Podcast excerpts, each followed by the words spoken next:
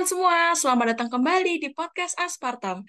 Hari ini, di episode kali ini, aku Sita yang bakalan nemenin kalian beberapa saat ke depan buat ngobrol bareng narasumber yang udah kita undang nih hari ini. Nah, seperti biasa nih, sebelum masuk ke topik, aku mau tanya dulu dong ke kalian. Apa kabar nih semuanya? Semoga semuanya tetap sehat dan baik-baik aja ya. Nah, ngomong-ngomong soal topik nih teman-teman, hari ini aku sama narasumber yang udah diundang nih hari ini mau ngobrol santai tentang kehidupan anak kedokteran nih. Nah, daripada kelamaan, mending aku langsung panggil aja ya narasumber kita hari ini. Halo Kak, Halo Sita, Idi, apa kabar nih Kak? puji Tuhan, luar biasa. Keren banget, semangat banget nih hari ini.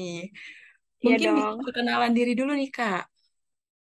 Oke, halo semuanya, salam kenal.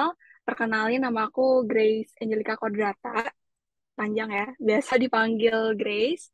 Dan aku sekarang kuliah di FKIK Atmajaya Angkatan 19.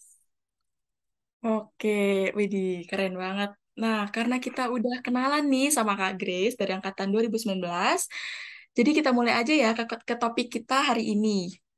Nah, kayak yang udah aku jelasin nih Kak di awal tadi, kalau kita tuh hari ini mau ngobrol santai tentang kehidupan anak kedokteran. Nah, sebagai pembuka nih, aku mau tanya dulu nih Kak, kalau boleh tahu alasan Kakak dulu pilih jurusan kedokteran tuh apa sih Kak? Kalau ditanya kenapa sih mau masuk FK, kan susah gitu ya. Hmm. Eh, kalau alasan klasiknya sih, aku yakin 80% lebih orang ya pasti ingin membantu sesama. Dan aku mendapatkan, nggak mendapatkan sih, aku ngeliat dan ngerasa kalau ada orang sakit nih, terus sembuh gara-gara kita yang bantuin, kita bantu kasih obat, kasih kita doain juga, itu kayaknya eh, sangat memuaskan hati, jiwa, dan pikiran gitu. Dan emang dasarnya semua dokter kita harus membantu sesama gitu kan. Itu tujuan pertama aku sih. Cuma kalau alasan anehnya boleh ya. Oh, boleh, boleh. Dulu tuh aku suka bawa rumah sakit. Aneh nggak? aduh, kenapa tuh Kak? lo?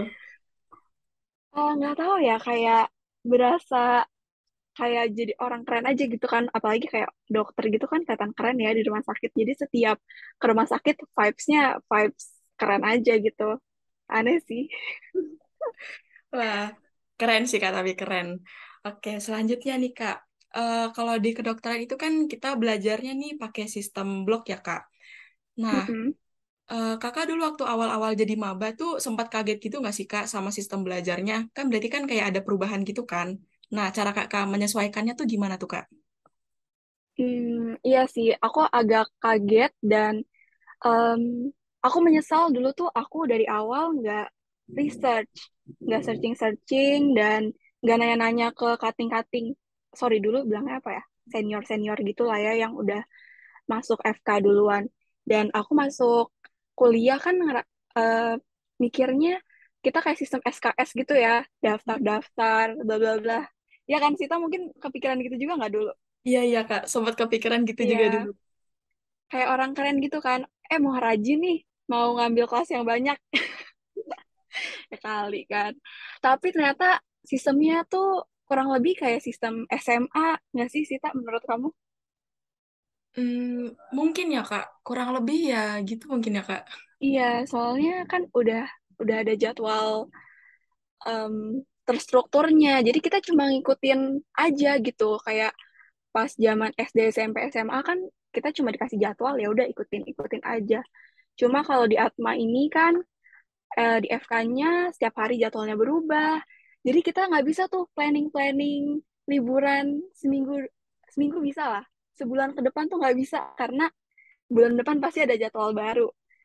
Terus awalnya kaget sih. Terus tadi pertanyaannya apa lagi sih, Tak? Cara menyesuaikannya gimana tuh Kak?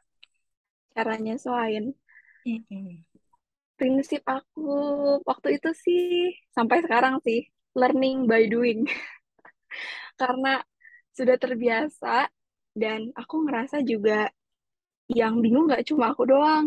Banyak banyak banyak teman-teman aku yang bingung juga. Jadi kita belajar bareng, kita juga sharing-sharing bareng. Jadi bingung bareng, pusing bareng, tapi jadinya jadi nyaman gitu loh. Kayak nggak sendirian, nggak ngerasa sendirian gitu. Oke, ya benar-benar Kak kayak gitu.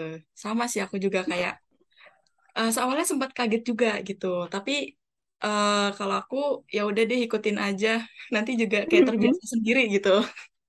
Iya, betul-betul. Oke, selanjutnya nih Kak. Eh, kalau menurut Kakak nih, kan kalau di FK tuh ya ya lumayan sibuk ya Kak. Materinya banyak, tugasnya juga lumayan, terus ujiannya juga lumayan sering gitu. Nah, Uh-uh. di tengah kesibukan kuliah yang kayak gitu, menurut Kakak kalau anak kedokteran tuh eh, gabung di organisasi atau di kepanitiaan tuh masih penting nggak sih Kak? Dari dulu sih, dari awal maba ya, pasti Mm-mm. diwanti-wanti itu ikut organisasi, ikut panitia, apa pun itu untuk menjalin networking dan lain-lain. Dulu sih aku pikir kayak, ah, masa berpengaruh itu sih. Tapi sekarang aku tahun, sekarang udah tahun ketiga, tiga setengah deh. Aku jadi mikir penting banget sih organisasi em, dan juga panitia kepanitiaan. Kalau dari masalah, dari segi soft skill ya, Mm-mm. time management, dan cara kita ngomong sama orang baru, ketemu sama orang baru, itu menurut aku sangat bisa dipelajarin di organisasi dan eh, kepanitiaan-kepanitiaan yang ada gitu. Dan aku ngerasa dengan adanya kepanitiaan dan organisasi, kita juga bisa deket nggak cum- nggak cuma sama teman angkatan, tapi kayak ke kakak tingkat, ke adik tingkat, dan gak melulu adik tingkat yang butuh kita. Aku ngerasa sekarang juga eh, aku butuh adik tingkat gitu loh buat catatan-catatan zaman dulu yang aku udah hilang. PPT-PPT itu biasanya aku minta juga ke mereka. Jadi aku ngerasa eh, kepanitiaan itu organisasi bukan cuma buat soft skill, bukan cuma buat eh, keren-kerenan aja, tapi aku ngerasa di kehidupan aku di tahun terakhir ini di FK sangat membantu sih dengan punya cici-cici, koko-koko, terus adik-adik gemes ya. Sita kan juga ini adik aku ya. Aduh. Eh, aku sih ngerasanya gitu. Kalau Sita di organisasi gimana emang? Kalau aku ya emang bener sih Kak, ngerasa kayak itu penting karena kayak dulu tuh sebelum masuk, sebelum ikut-ikut organisasi gitu kayak eh, nggak bisa ngomong yang kayak gini gitu. Hmm, Jadi ya kayak ah males ah nggak mau yang kayak gitu, nggak mau nggak mau ngomong depan banyak orang gitu. Pokoknya aku iya. selalu ngambil kayak di eh, belakang layar aja gitu, nggak mau ngomong langsung Hmm, gitu. Cuman iya. sekarang nih udah Aku mulai lumayan gitu. Eh, iya sih. Aku juga ngerasa itu ya public speaking. Dulu dari cuek, dari Sita juga dulu malu-malu. Ditanya namanya siapa? Senyum-senyum. Sekarang lumayan bawel sih. Cuma aku bersyukur aja kamu bawel sekarang. Oke, Kak. Eh, berarti kan itu ya cukup penting ya, Kak. Nah, terus kalau kita gabung di organisasi atau kepanitiaan gitu kan berarti kita harus siap dan harus pinter-pinter bagi waktu gitu kan, Kak. Buat belajar, buat Mm-mm. materi kuliah, buat ngerjain tugas, terus juga belum lagi kalau misalkan ada rapat-rapat gitu. Nah, Mm-mm. kalau dari Kakak sendiri nih, eh, cara bagi waktunya tuh gimana sih, Kak? Biar kegiatan akademik dan non-akademiknya tuh tetap seimbang gitu. Oke, Time management ya berarti gimana Iya. cara kita memanage waktu buat belajar sama dengan segala kesibukan organisasi dan panitia. Kalau dulu aku dengar dari senior itu, em, misalnya kita udah tahu nih bakal ada acara besar atau enggak acara yang kita nggak bisa tinggalin deh. Misalnya hari Jumat, sedangkan hari eh, Jumat itu juga ada ujian gitu.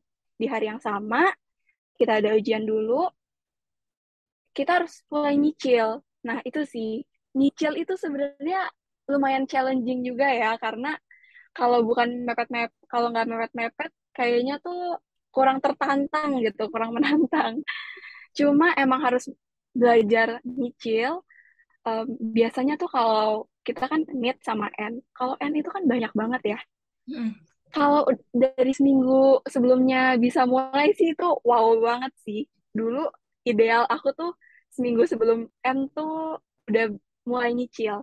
Cuma dengan keterbatasan komitmen dan lain-lainnya ya, jadinya tiga empat hari lah gitu. Dan gimana cara baginya? Um, mungkin ada beberapa acara atau hal-hal lain di luar akademik yang menurut aku bisa nih dihandle orang lain atau enggak aku emang ngerasa kapasitas aku tuh sampai situ nggak kalau sampai ikut itu acara berabe nah menurut aku tetap harus prioritasin akademis jadi tahu kapasitas kita dan nanti kita bisa atur sendiri tuh jadwalnya kalau kita udah tahu kapasitas kita gitu sih Sita. Oke, berarti kita juga harus lihat situasi juga ya, Kak? Iya. Sita, ada masalah nggak kalau bagi-bagi waktu gini? Uh, awalnya kayak cukup memusingkan sih, Kak. Kayak bingung, ini apa Mm-mm. dulu yang harus dikerjain? Ini penting, tapi ini juga penting. Gimana dong, gitu. Iya, iya. Jadi pusing sendiri, tapi lama-kelamaan kayak ya mulai bisa lah gitu, membagi-bagi waktu. Iya, Tuh. makanya learning by doing itu sangat ini ya. Iya bener, Kak. Oke, selanjutnya nih, Kak. Eh, berarti kan kalau gitu ya kayak di tengah kesibukan kuliah dan juga organisasi, pasti ada aja kan ya, Kak, ra- eh, kayak stres gitu yang muncul. Mm-mm. Nah, mungkin eh, kayak dari kakak sendiri tuh gimana sih kak cara nanganin stresnya? Mungkin kan kayak dari orang-orang kan pasti punya cara berbeda-beda kan. Nah, kalau dari kak Grace sendiri Mm-mm. gimana nih? Mengatasi stres di FK. Iya, Aku tuh awalnya mikir eh, anak FK tuh nggak bisa jalan-jalan, belajar terus dari pagi sampai malam. Kamu pernah mikir gitu gak sih dulu? sering banget sih kak yang mikir kayak gitu. Iya, tapi aku ngeliat kayaknya senior-seniorku bisa hidup dengan bahagia juga deh walaupun mereka anak FK ya. Jadi pas aku lihat, pas aku jadi mahasiswa FK juga nih, itu tadi time management. Kalau kita udah prioritasin hal-hal yang udah ada dan kita udah kerjain, kita bisa bagi waktu. Senang-senang tuh kan bisa ya, ya kan? Iya betul betul betul. Dan kalau cara aku itu, aku tuh anak rumahan. Jadi kalau mengatasi stres tuh aku mendingan di rumah, Netflix, and chill, terus gojek-gojekin makanan yang aku belum pernah makan karena aku suka banget makan makanan hal aneh dan baru gitu. Aduh, oke. Em, terus nih kak, mungkin ini terakhir nih ya kak sebelum menutup podcast gitu. Eh, kalau Mm-mm. boleh nih Kak, minta sarannya dong Kak buat adik-adiknya nih di FK. Mungkin ya bisa kayak saran buat belajar. Ya, walaupun lagi di tengah banyaknya kegiatan dijalanin, berarti kan kita juga tetap harus belajar gitu kan Kak. Apalagi buat ujian gitu. Nah, kalau dari saran. Kakak gimana nih? Kalau dari saran aku, mulai dari misalnya orang punya mental breakdown. Sampai sekarang juga kita punya mental breakdown kok. Sampai dokter pun nanti aku dengar-dengar dari cerita juga pasti mereka punya kesulitan yang berbeda-beda. Cuma gimana cara kita bangkit ya, gitu kan. Wih, mantap Nah, banget. kalau kalau saran dari aku sih lebih kayak jangan cepat menyerah karena semua orang yang di posisi itu kurang lebih merasakan hal yang sama. Dan itulah gunanya teman-teman kalian, teman-teman angkatan ya, untuk saling menguatkan karena kalian tuh menghadapi sesuatu yang mirip-mirip lah gitu. Dan kalau eh, misalnya kalian lagi stres atau apa, boleh kayak sejenak berhenti dulu, eh, menikmati dunia gitu ya. Mm-mm. Ngapain ke, nonton-nonton atau apa. Dan baru nanti kalau udah mood lagi, kita belajar lagi. Dan kalau untuk, misalnya kalau udah mentok banget nih, aduh malas banget. Ingat tujuan awal tadi yang Sita tanyain ke aku pertama. Kenapa sih alasan mau masuk FK? Apa sih yang mau didapat dari FK ini? kalau aku kan ingin bantu orang banyak, ingin nyembuhin orang. Jadi dengan untuk mencapai tujuan itu, ya aku nggak bisa semena-mena dan uh, santai-santai aja gitu. Emang banyak hal yang harus dikorbankan. Gitu sih. Ih, keren banget sih Kak sarannya. Semoga ya Kak, semoga nantinya tuh eh, saran-saran dari Kakak tuh bisa kita ikutin, terus juga eh, cara-cara dari Kakak tadi bisa kita contoh nih, kayak misalnya yang tadi bagi waktu gitu. Mm-mm. Nah, oke nih Kak. Sebelum mengakhiri nih Kak, aku mau ngucapin terima kasih banyak dulu buat Kak Grace karena mau sharing dan juga mau ngasih sarannya nih tadi. Terus juga makasih juga eh, udah meluangkan waktunya untuk datang dan ngobrol bareng aku di podcast kali ini. Terima kasih banyak Kak. Aku juga makasih banget udah diajakin. Padahal aku, ya walaupun tahun ketiga ya, angkatan 19, cuma di dunia kedokteran ini aku masih lumayan-lumayan buta lah gitu. Terima kasih sudah mempercayakan ke aku. Semoga bermanfaat. Amin. Nah, oke teman-teman, mungkin segitu dulu aja ya ngobrol bareng narasumber kita hari ini. Jangan lupa juga nih buat follow kita di Spotify dan juga di Instagram ya di @aspartam.fkikwj. Sampai jumpa teman-teman semua. Bye bye.